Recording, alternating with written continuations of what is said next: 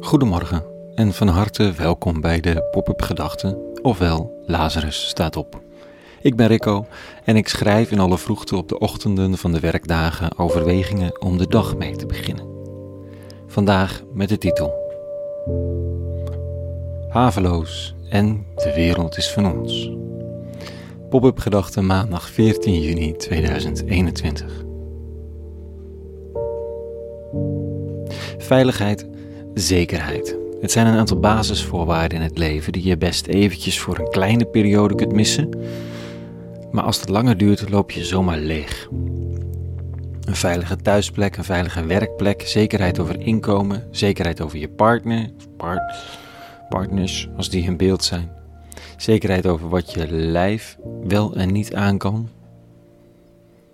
Als die voor langere tijd missen en we voelen ons onzeker en onveilig, komen we in een vorm van onszelf terecht die we niet altijd even aangenaam vinden. Verongelijkheid over al die anderen die wel dit of dat. Dat is er nog maar één van. Elke keer als ik me afvroeg wat ik in vredesnaam aan het doen was en of het wel hout sneed en of ik er wel brood mee op de plank zou kunnen houden, ging ik me vertwijfeld afvragen welke baan ik dan maar moest gaan nemen. Dan zou ik al dat andere, dat maatschappelijke, spirituele, artistieke en organisatorische wel in mijn vrije tijd gaan doen. Dominee misschien, in een gemeente, of iets heel anders.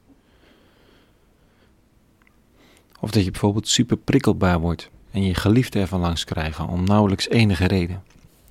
Kinderen, je partner, vrienden, opeens moeten ze ontgelden omdat basiszekerheid ontbreekt. Of basisveiligheid. Strategie is dan dus om veiligheid en zekerheid te regelen. Zorg dat je genoeg verdient. Of zorg dat je de onzekerheden elimineert. Niet allemaal, maar, toch. Dan maar wel die baan. Dat geldt voor het pensioen. Zorg dat je rust en evenwicht vindt, anders komt het niet goed. Ik ben nog steeds niet gaan solliciteren. Maar de risico's van de baan zijn wel wat gespreid. En er zijn meer mensen verantwoordelijk en betrokken nu er een stichting bestaat. Pop-up werk. Het blijft pop-up, maar dan met een bestuur. Ja, je moet wat. Wijsheid komt met de jaren, hoop je dan. Toch kun je al je veiligheid en zekerheid regelen en nog compleet leeglopen. Je kunt weten wat je aan je baan hebt, je huis op orde, je hypotheek, alles klopt. En de prikkelbaarheid groeit, het gevoel van onvermogen, onvervuld zijn, angst. Of dat je net iets te vaak het liedje Is dit nu alles, alles wat er is? Van doe maar zitten te fluiten tussen je opeengeklemde tanden.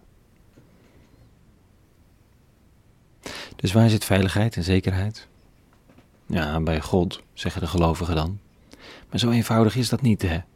En voor heel veel is dat een soort laatste zekerheid, maar is er voor die laatste zekerheid nog een berg aan andere zekerheden gebouwd, om maar niet om te vallen. Paulus vandaag deelt in een paar woorden de paradox van de veiligheid van zijn leven, die 100% onveilig is en daarin juist veilig. Die haveloos is, maar ze hebben alles wat ze nodig hebben en meer.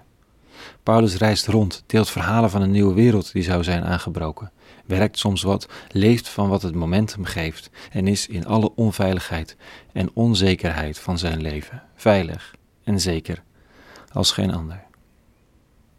Dit schrijft hij in de tweede brief aan de Jezusvolgers in de stad Korinthe. We zijn vreemdelingen, maar toch bij iedereen bekend. We sterven, maar toch leven we. We worden gestraft, maar niet ter dood veroordeeld. We hebben verdriet, maar toch zijn we altijd verheugd. We zijn arm, maar toch maken we velen rijk. We bezitten niets, maar toch hebben we alles. Het is geen borstklopperij per se, het is een uitnodiging. Een uitgestoken hand om een ander concept van veiligheid en zekerheid in te stappen. Om de rijkdom te laten, want wie niets heeft kan zeggen dat hij of zij niets heeft en dan wordt er met je gedeeld. In heel veel gevallen. Kijk maar eens wat de vervoersmogelijkheden van een lifter zijn. Eindeloos terwijl hij of zij geen vervoersmiddel heeft en er geen cent aan uitgeeft. Oh, en verdriet, ja zeker. Maar in dat verdriet overheerst de vreugde, juist in dat verdriet. Het is de route van de man van Nazareth, die zich heeft overgegeven aan de weg van het goede.